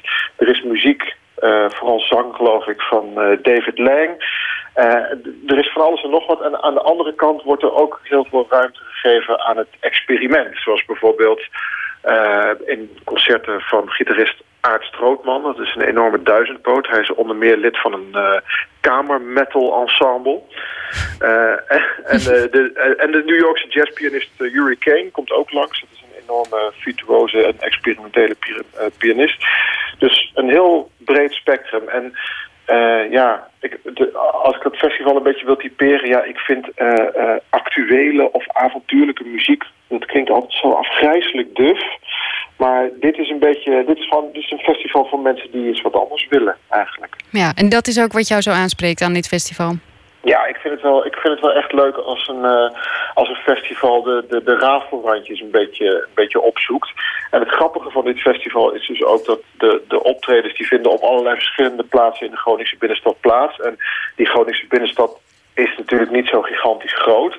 Dus dat is allemaal dicht bij elkaar. Dus het is laagdrempelig. Je loopt zo overal eens eventjes binnen en eh, je, ziet, je ziet nog eens wat. Je ziet ook dingen waar je, waar je niet voor gekomen bent. Er komt nog bij trouwens dat ze eh, zelf ook eh, erg eh, met allerlei andere manier, op allerlei andere manieren een breed publiek proberen aan te spreken. Er zijn hele goedkope kaartjes voor mensen onder de 30 en er zijn gratis optredens. En van allerlei manieren worden er bedacht om het laagdrempelig en leuk te maken. Er zijn alleen geen lichtconcerten, geloof ik. Gelukkig maar. Nou, dat klinkt, dat klinkt heel goed. In november vindt ook November Music plaats. Is dat, is dat een beetje vergelijkbaar met dit Sounds of Music? Ja, je zou kunnen zeggen dat Sounds of Music het, eh, het kleine broertje van, eh, van November Music is. November Music wordt gehouden in De Bosch. En die twee festivals die liggen eigenlijk een beetje in elkaars verlengde. De, programma's, er zit niet veel overlap in, maar de, de, de, de, de eh, insteek van het festival is hetzelfde. Dus de muzikale scope van November Music is, wat, eh, is, is nog wat breder. En het festival is ook wat groter. Ehm, maar er gebeurt ook echt van alles. Het is, eh, dat is, eh, nou, laten we de term dan maar even gebruiken. Ik denk dat het het leukste avontuurlijke muziekfestival van het jaar is. Ehm, en dan wil je natuurlijk weten wat er gebeurt, hè? Denk Ja. je toch niet? Ja. ja, nou precies. Nou, Wende Snijders, die ken je waarschijnlijk wel. Die, eh, die is bekend van eh, de Brel eh, vertolkingen en zo. En die heeft een hele eigen versie van de Winterreise gemaakt van Schubert. Wat echt een klassieke kraker is natuurlijk. En zij dacht van nou, ik ga eens rommelen aan de structuur van het stuk. En dat heeft ze samen met eh, componist Boudewijn Tarenskeen gedaan. En dat is echt heel erg bijzonder geworden. En iets anders wat volgens mij wel heel erg leuk gaat worden... dat is de pornopera van Huba de Graaf. Klinkt nu al goed. Ja, die maakte eerst een apera. Dat was een opera voor apen. En nu dus een pornopera met eh, Hans Dagelet. Een, een, een, een porno-opera, dat lijkt heel ranzig, maar het schijnt heel mooi te zijn. En dan is er ook nog de festivalcomponist, whatever that may be. En dat is Helmut Lacheman, de Duitse eminence grise van het experiment. Dus dat is te gek. Ja. Ehm, dat klinkt... Wat bedoel je eigenlijk met breed? Want je, dat zei je net. Oh ja, nou ja, goed. De, er gebeurt dus heel erg veel. En je ziet ook, je je ziet tegenwoordig ook op popfestivals en heel veel podia en zo. Die proberen een soort kruisbestuivingjes te bewerkstelligen. Door ensembles samen te spelen, laten spelen met jazzmensen. En door popzangers met strijkkwartetjes te laten spelen en zo. En dat is precies waar November Music heel erg goed in is. Dat doen ze al heel lang. En eh, zij, zetten, zij programmeren eigenlijk alle genres door elkaar en langs elkaar en naast elkaar tijdens dat festival. En wat ze ook doen, is muzikanten vragen om die normaal niet met elkaar spelen en normaal eigenlijk hele andere genres spelen, om ze te vragen eh, eh, om met elkaar op het podium te gaan staan en muziek te maken. En zo ontstaan er spontaan, dat zijn dus vaak op het podium van November Music de eerste ontmoetingen die die mensen hebben. En zo ontstaan er, ja, nieuwe genres wil ik niet zeggen, maar in ieder geval gebeuren daar wel hele interessante dingen met die gelegenheidscombinaties. Je wilde ook ehm, wat laten horen, hè? Ja, ja, ik wilde even, eh, om- de breedte aan te geven, laten we eerst eens even luisteren naar Every Time Boots van Julia Holter.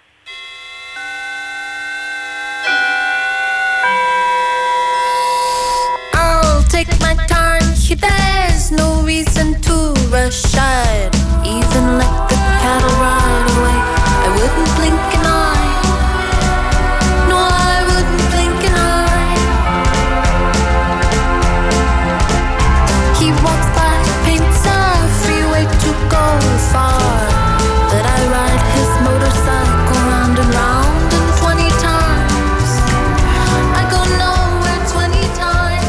Ja, Julia Holter was dat. Eh, je wilde nog wat anders laten horen, hè, Tom? Ja, dat is de, Julia maakt prachtige, dromerige popmuziek. En helemaal aan de andere kant van het spectrum staat Near East Up North... van eh, componist en jazzpianist Martin Fonse. En daar wordt jazz met Turkse muziek gecombineerd.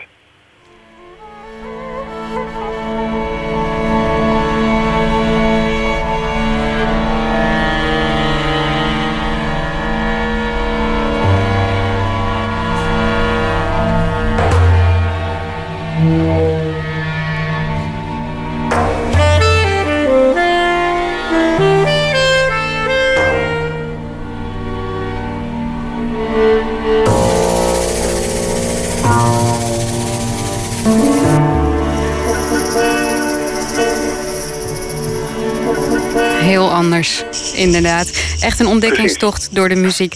Dankjewel, Tom, en eh, graag tot een volgende keer. Dag Floortje. Eh, November Music, dat festival vindt plaats in Den Bosch van 4 tot en met 8 november. En dat andere festival waar we het over hadden, Sounds of Music in Groningen, is van 27 oktober tot en met 1 november.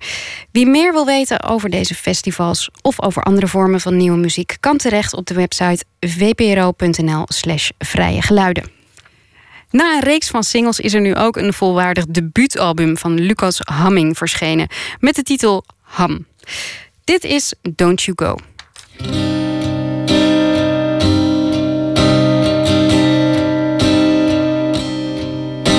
Once I heard the sound of someone speaking. Words to call me singing to my ears.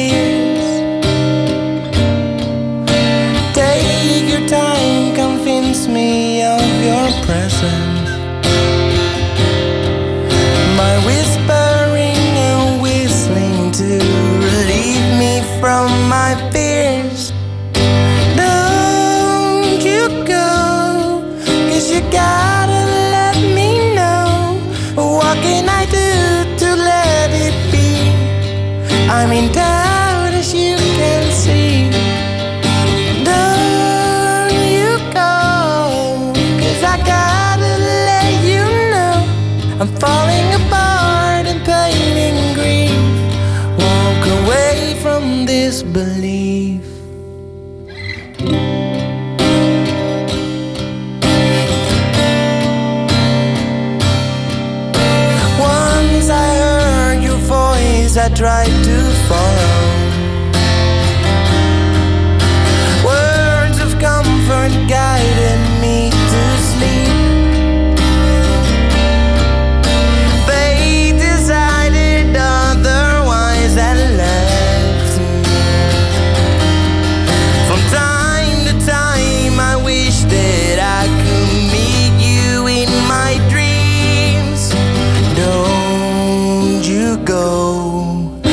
gotta let me know.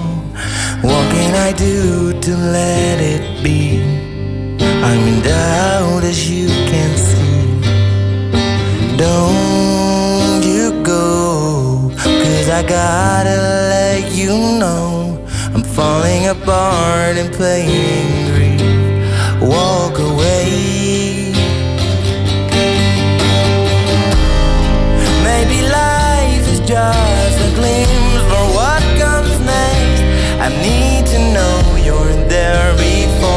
Before my time has passed.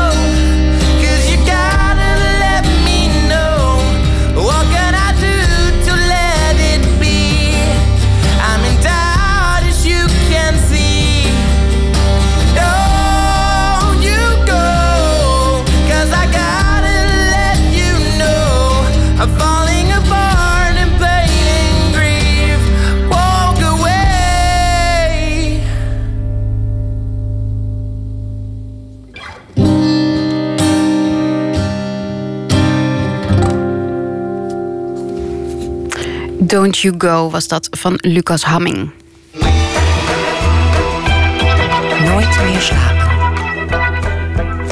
Afgelopen woensdag speelde Theater Artemis een benefietvoorstelling voor vluchtelingen in Jeugdtheater De Krakeling in Amsterdam. Het was de voorstelling De Man die alles weet, onder regie van Jetse Batelaan.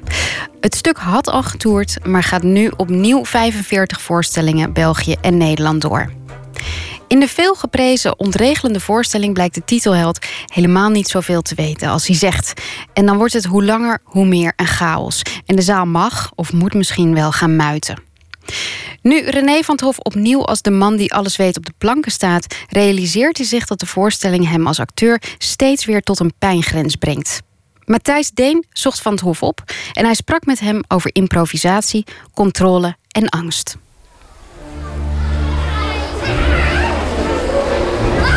Is een regenachtige woensdagmiddag en de foyer is boordevol. Vooral met kleuters en hun moeders. Er staat een meer dan levensgrote pop van de man die alles weet. En hij staat bij een houten container met een gleuf bovenin... waar de jonge bezoekertjes levensvragen in kunnen deponeren als ze dat willen. Wie weet zal de man die alles weet... zometeen tijdens de voorstelling inzichten verschaffen en uitsluitsel bieden. Het is laat, er is iets kapot in het kassensysteem, het publiek is onrustig. René van het Hof maakt ergens in het verborgene achter het toneel dezelfde momenten van spanning door die hij altijd heeft voor een voorstelling. Hij weet wat het publiek nog niet weet, namelijk dat hij weer een uur van opstand en chaos voor de boeg heeft. Het is voor een acteur die zijn spanning voor de voorstelling altijd bestreden heeft door controle, iedere keer weer een bewogen vooruitzicht om zichzelf over te leveren aan de grillen en de onvoorspelbaarheden van het publiek. Ik ben, erg van de eh, controle, ja. Dat is het fijne van toneel maken, wat je in het, dagelijks leven natuurlijk minder kan. Je kunt, het echt, je kunt het echt controleren en beheersen. Je maakt je eigen wereld, je eigen leventje van voor een uur of anderhalf uur. En dat heb ik, daar heb ik macht over. Ik heb ook wel moeten leren, bij, dat is echt wel een verschil met vroeger, toen ik net begon. Toen wilde ik echt dat het eh, elke avond ging zoals ik het eh, wilde. Dus eh, moet nagaan, dus ook met, je, ook, ook met de tegenspelers waar je eigenlijk mee samenspeelt, dan had ik toch de neiging om dat zo. Nee, je moet nu zo doen, want, want ik, ik wil dat het zo gaat. Dus het heeft dus niks met samenspelen te maken eigenlijk. Dat geldt hetzelfde de, met de zaal ook. Dan, als het de zaal dan, want de zaal reageert nooit elke avond precies hetzelfde. Het is veel leuker om het los te laten en, en te kijken inderdaad wat er gebeurt. En dan, dan, dan leeft het echt. Dan, dan heb je het gevoel dat het eh, elke avond opnieuw ontstaat, zou ik maar zeggen. Als je een, een beroep wil eh, hebben waar je controle hebt, ben je dan op het toneel eigenlijk wel op het juiste podium? Mhm. Ik snap wat je bedoelt. Want als je schrijft, zit je gewoon niet eentje te schrijven. hè. Ja, dat klopt. Maar ja, het is ook een haat-liefde verhouding. Het is, eh, en dat heb, ik heb bijna geen acteurs die dat niet hebben. Dus bijna iedereen heeft dat wel. Op een bepaalde manier van dat, ze, dat je dus erg van walgt. En een bepaalde manier van. De, gewoon de angst elke avond weer. Natuurlijk, en, de een heeft het erger dan de ander. Ik, kan het eh, behoorlijk beheersen. Maar als ik eerlijk toegeef, ik, ik, kan, ik zeg het tegen Nick, ik, oh, ik moet niet aan denken, weer, weet je het- het kost toch, toch veel energie. En... Omdat, oh, ja, omdat ik het toch blijkbaar... Ik vind het nog steeds zo leuk dat ik dat ervoor over heb. Maar ik ken echt genoeg mensen die daar, eh, die daar eerder mee opgehouden zijn. Ook goede, goede acteurs. Of die dat gewoon echt op een gegeven moment... naarmate ze ouder worden, gewoon niet meer, niet meer kunnen. Jim van der Woude bijvoorbeeld, mijn, mijn, was mijn compagnon heel lang. En die had, zo'n, die had er echt werkelijk zo'n haat-liefdeverhouding mee. Die kon echt kotsend... eh, die stond kotsend in, in de coulissen, weet je wel. En dan, eh, en die is er ook mee gestopt eh, vier, vijf jaar geleden nog. Het was hier eh, 58 of zo. Welkom, ik ben de man die alles weet. De man die alles weet. En nooit meer iets vergeet. Dat is nog leuk. Hij wou dat we niet ging stoppen. Gewoon de angst van dat je het niet goed doet. Dat het niet goed genoeg is. In, in het geval met teksten bijvoorbeeld, dat ik mijn tekst kwijt eh, raak. En dat het publiek eh, het, het niet ziet zitten. Of dat mensen eh, eh, weg gaan lopen. Of eh, het niet leuk vinden, weet je wel. Dat, dat. Die angst hangt dus samen met door de man te vallen. Dat iedereen ziet dat je niet deugt. Ja, ja. Maar, maar de plek waar je die angst dus ervaart... is iets wat je steeds weer opzoekt. En wat je steeds weer overwint. Is dat de aantrekkingskracht van toneelspelen? Ja, ik denk het ja. Om dat te overwinnen. En om, die, die spanning is natuurlijk wel heel erg fijn. En je krijgt er adrenaline door. En eh, je voelt je, voelt je als, je als je klaar bent, vo- voel ik me altijd te gek. Ja, tenzij het een klote voorstelling was. Maar, meestal, eh, ik, ik heb niet te klaar. Ik, ik had altijd ontzettend goede voorstelling gemaakt. Goede recensie. Dus hartstikke leuk. Dus dat, en daar, ik, ja, krijg je een enorme kick van. En ook natuurlijk die aandacht, hè. Het gaat, weer- want dat vergeten we altijd. Het is een, een- natuurlijk een ijdel beroep ook. Dus het gaat over aandacht natuurlijk. Hè. Dus er komen gewoon 250 man die zitten naar je te kijken, naar jou. En die vinden jou allemaal echt geweldig. Die vinden je allemaal geweldig. En willen allemaal met je samenwonen en eh, met je trouwen en zo. En al die vrouwen. Is het zo dat die spanning dan opbouwt? Je denkt van ja, ze hebben het tot nu toe nog niet doorgehad. Maar er komt een moment dat ze het wel doorhebben. Ja, maar dat, maar dat- dat is zo'n hele bekende psychologische... eh, dat, dat kent volgens mij iedereen. Ja.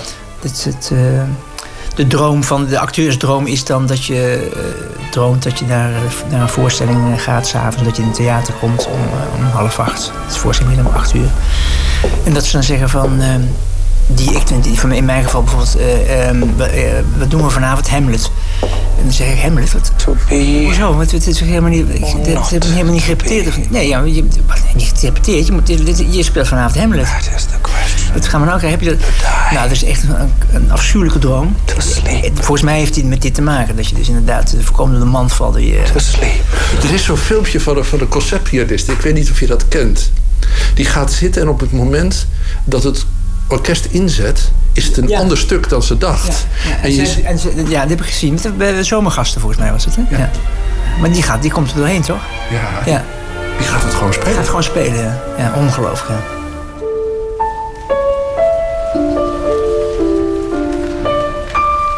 Ongelooflijk vind ik dat. Ja, nou ja, maar dan, dat, dat, dat wordt meteen, in, in, in, in een split second wordt natuurlijk alles weggeduwd bij die vrouw. Alle, een vrouw is het volgens mij niet. Ja, dat is zo. Die, alle, die, die angst, en die wordt meteen die angst, die popt ze weg en komt dat stuk naar boven toe.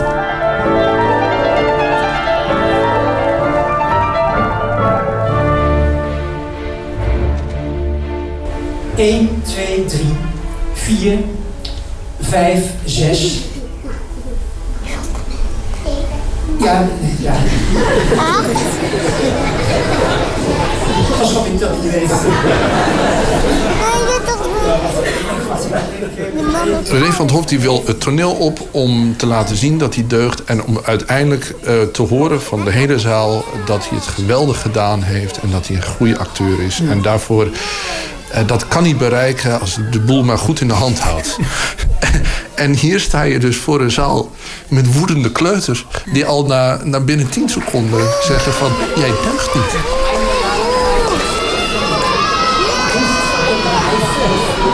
Ja, nou, ik, ik, ik, eh, zei vanmorgen tegen tegen mijn vriendin ook... ik moet vanmiddag weer. Dat het, het kost me echt heel veel moeite gewoon. Ik, heb, ik had gisteren ook echt wel weer pijn in mijn buik een beetje en zo. Eh, omdat het gewoon... Ik moet het echt, echt loslaten. En, en gisteren was het ook in Amsterdam, was het, waren ze ook behoorlijk heftig. Dus dan... En mijn Jetse zei tegen mij, de regisseur... Nou, hebt gisteren nog gebeld, want hij was bij de tweede voorstelling. Hij zei, ja, je, je, hij vond het niet goed gaan omdat hij vond dat ik te veel probeerde eh, de dingen te, duidelijk te verduidelijken en te, te, er iets van te maken. Het laat jou niet onberoerd, ook in de voorstelling niet. Nee, als ik met hem werk, hij is eigenlijk de enige regisseur bij wie ik dat heb in Nederland, dan ga ik blind voor hem. Hij, eh, ik, ga, ik ga mee in zijn, eh, in zijn fantasie, in zijn geest. Want dat vind ik namelijk ontzettend fijn, want hij heeft echt een idiote geest. Hij heeft zo van, bizarre fantasieën. En, en, en weet dat altijd in goede vorm te- te zetten op toneel. Waardoor je hele bijzondere voorstellingen krijgt. Dus ik ben heel graag deel daarvan. Maar dit keer had ik echt wel moeite. Heb ik, ik heb ook wel, eh, in de laatste week eh, een paar aanvaringen gehad. Omdat ik inderdaad zei: ja, ik sta hier. Jij bent met zo meteen weg. En ik kom zo meteen nog scholen, weet je. Want dat, dat waren nog van die trouwens waren nog kleine clubjes. En ik dacht, ja, zo meteen sta ik voor bakken van 400 kinderen, 300 kinderen, weet je wel. Ja, en die scholen die spannen ook samen eh, tegen jou. Tuurlijk, tuurlijk en zeker. eh, ja, die kennen elkaar allemaal in klasjes. En, eh,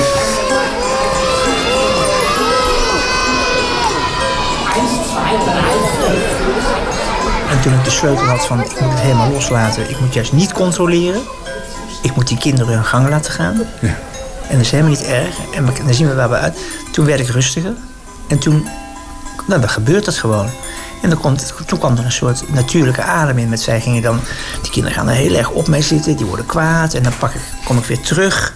En dan gebeuren andere dingen in beeld. Waardoor ze weer eh, stiller werden. Dus ze- ze gaan, toen kwam er een soort adem in. Dus je hebt de controle weer. Ja, ja, en dan zit er een, ja precies, er komt er een ritme in. En, en, en, en, en, en toen ik dat eenmaal een paar keer mee had gemaakt, toen kon ik hem spelen. En toen was ik ook niet meer zo bang om, niet meer zo bang, want ik vind het nog steeds eng, maar niet meer zo bang om hem los te laten gaan. Ik heb de indruk dat het wel een ingrijpende voorstelling voor je is. Of, of zie ik dat verkeerd? Ja, nee, dat is zeker zo. Ik, ik- het is, het is eh, voor mij ook, ook het feit dat ik op, op publiek reageer. Eh, dat heb ik ook nog nooit gedaan. En ik hou er ook helemaal niet van. Ik ben, ik ben juist iemand die heel erg van het eh, eh, zwarte gat houdt. Dat je het publiek niet ziet. Ik kijk publiek eigenlijk nooit... Ik kijk wel naar de zaal, maar ik kijk nooit iemand in zijn ogen. Want dan ben ik altijd helemaal uit. Ik vind het heel moeilijk om me te concentreren dan. Dus ik, ik vind het fijn als het anoniem is. En ik heb, ik heb heel lang geleden was een voorstelling gespeeld tussen het publiek. Nou, dat vond ik ook verschrikkelijk om te doen. Echt, een, heel, een, heel, een heel enge na vind ik dat. Veel, te kaal, alsof je in je blote reet staat, weet je wel. Het toneel geeft je ook een zekere bescherming. Ja, absoluut. Een enorme veiligheid. Ja, daarom, daarom vind ik het heel fijn om op eh, toneel te spelen. En film vind ik veel, moeilijk, veel moeilijker, vind ik veel enger eigenlijk. Film acteren is... eh, omdat je er gewoon constant eh, bewust blijft eigenlijk van, van de camera. Alle, alle mensen eromheen. Die staan natuurlijk gewoon in het licht, weet je wel. Die staan gewoon te kijken, zo eh, een meter van je vandaan... waar je, waar je staat, te spelen. En dat is, eh, dat is een totaal andere manier van spelen. Ik, vind, ik voel mij veiliger eh, eh, op het, in het theater, in een, op het toneel.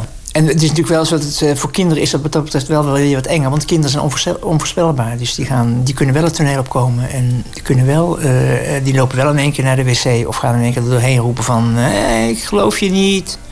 Oh, stomme. Of eh, wat zie je er stom uit. Of zo, weet je. Dat, is- dat doen volwassenen gelukkig eh, eh, eh, zelden.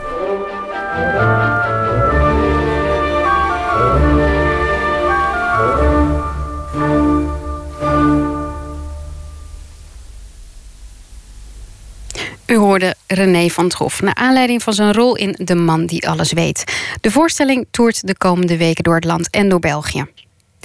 Er zijn weinig platen van PJ Harvey waar John Parrish niet aan heeft meegewerkt. Als producer, muzikant of adviseur.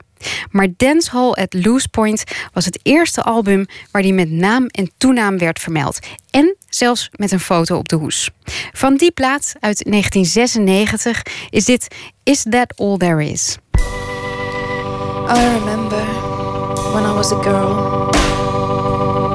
Our house caught on fire. And I'll never forget the look on my father's face as he gathered me in his arms and raced to the burning building out on the pavement. And I stood there shivering and watched the whole world go up in flames. And when it was all over, I said to myself, Is that all there is to a fire? Is that all there is? Is that all there is? If that's all there is, my friends, then let's keep dancing. Let's break out the booze and have a ball.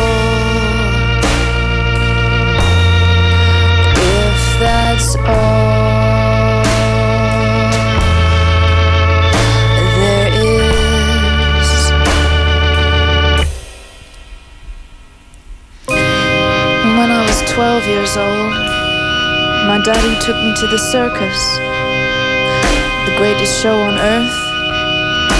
And there were clowns, and elephants, dancing bears, and a beautiful lady in pink tights flew high above our heads.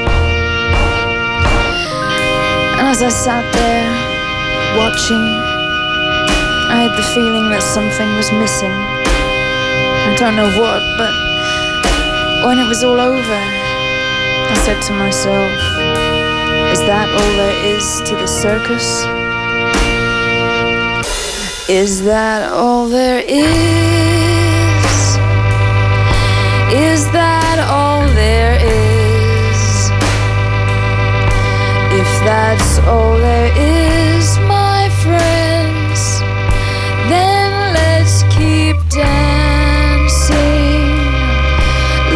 Break out the booze and have a ball. If that's all. PJ Harvey en John Parrish met Is That All There Is. En we sluiten deze aflevering weer af met een favoriet gedicht van Carline Dekker. Ze koos dit gedicht van Hans Andreas, Decemberbrief.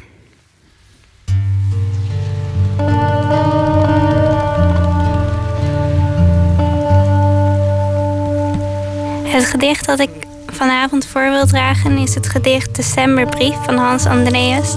Dit gedicht stond in zijn laatste dichtbundel, Laatste Gedichten, die hij afrondde op zijn sterfbed. Decemberbrief. Ik wilde dat je dichter bij me was. Het jaar is oud en heeft niets meer te zeggen. Het weer is somber. Alle dagen staat er een haveloze regen voor de ramen, lamswaaiend als een dronken lap. Ik loop door het huis, de kamers waarin jij niet bent en die dus leeg zijn. Of ik zit maar ergens en kijk naar buiten tot het donker is. De televisie s'avonds de meest trieste vertoning in een eenmansbioscoop. Zoek ik maar vroeg mijn bed op. Slaap pas laat en word weer vroeg uit boze dromen wakker, omdat ik jou ook niet in slaap vinden kan. Ik wilde dat het jaar nu over was en jij weer dichter bij mij, bij me was. Tot zover deze kleine bloemlezing van de pas 20-jarige Carline Dekker. Decemberbrief, zo heette dat gedicht van Hans Andreas. En hiermee zijn we aan het einde gekomen van deze aflevering van Nooit meer slapen. Maandag komt Jan Broeke langs om te praten over zijn nieuwe boek De Kozakkentuin. Straks kunt u luisteren naar Woord. En dan gaat het over onopgeloste moordzaken, ufo's en allerhande andere mysteries. Ik wens u een hele fijne nacht toe.